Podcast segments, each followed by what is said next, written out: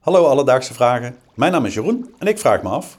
waarom maken we wel kaas van bijvoorbeeld koeien, schapen, geiten en buffelmelk... maar niet van de melk van andere zoogdieren?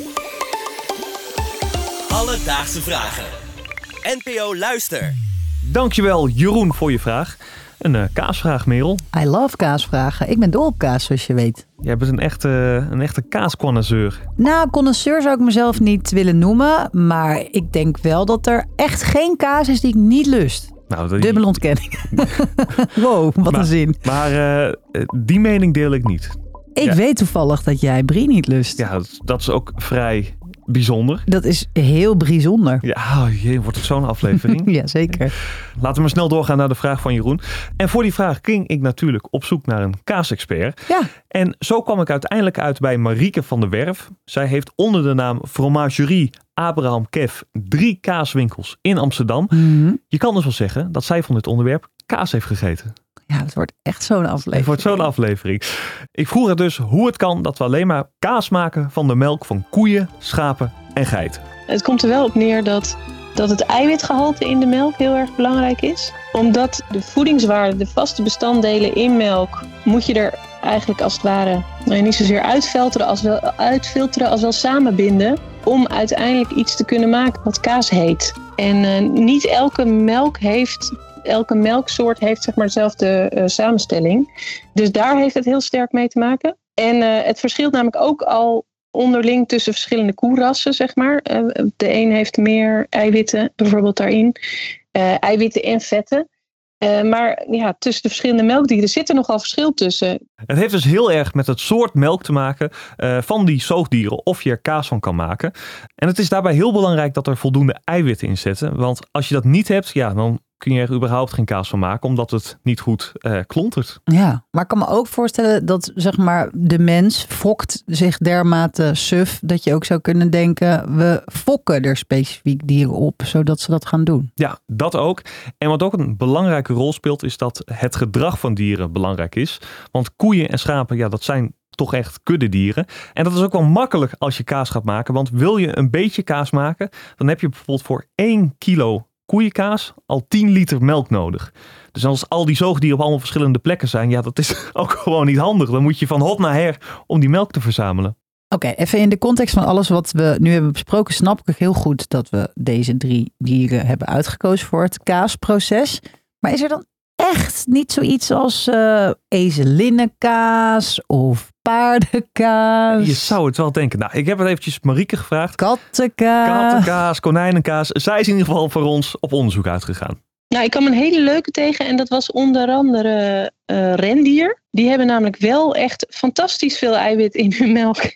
Maar eh, ja, wij kennen het natuurlijk niet. Maar dat heeft natuurlijk ook wat te maken dat wij hier niet zoveel rendieren hebben. Maar ik had wel meteen zin om dat ook uit te proberen. Eh, dieren als eh, zeezoogdieren, die dus ook fantastisch rijke melk hebben. Maar dat ja, is toch een beetje moeilijk samenbrengen. Een beetje moeilijk melken. Er zijn dus zeker wel alternatieven. Rendierenkaas.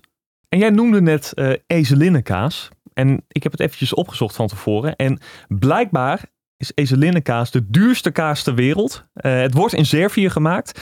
Het kost een slordige 1000 euro per kilo. Nee. Ja, Maar is het ook nog heel lekker? Hebben we daar feedback van? Reviews?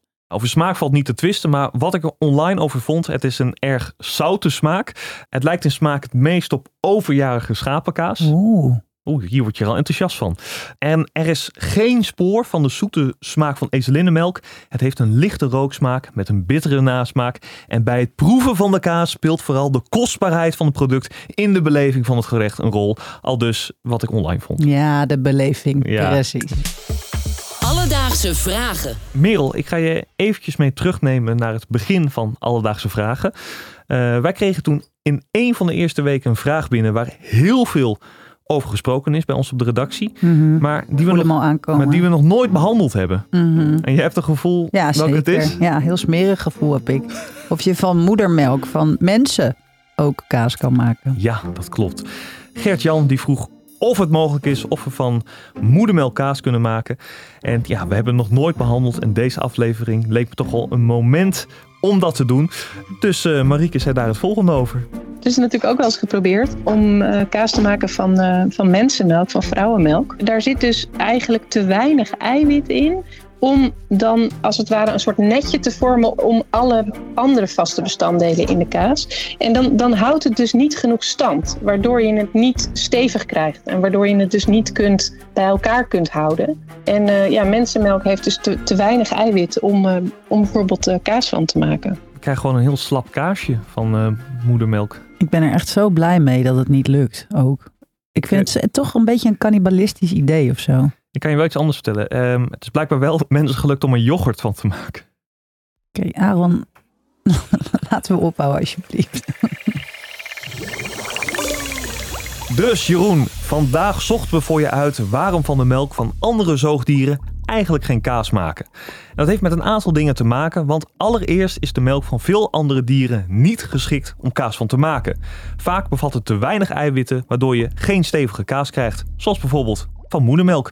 Daarnaast heeft het ook met gemak te maken, want veel zoogdieren leven niet in groepen, wat toch wel handig is als je kaas wilt maken, omdat je vaak meerdere liters melk nodig hebt voor maar 1 kilo kaas. Heb jij ook een vraag? Stuur ons dan een berichtje op Instagram. Dat kan naar Alledaagse Vragen. Of je kan een mailtje sturen naar alledaagsvragen.bnnvara.nl en dan zoeken we het voor je uit.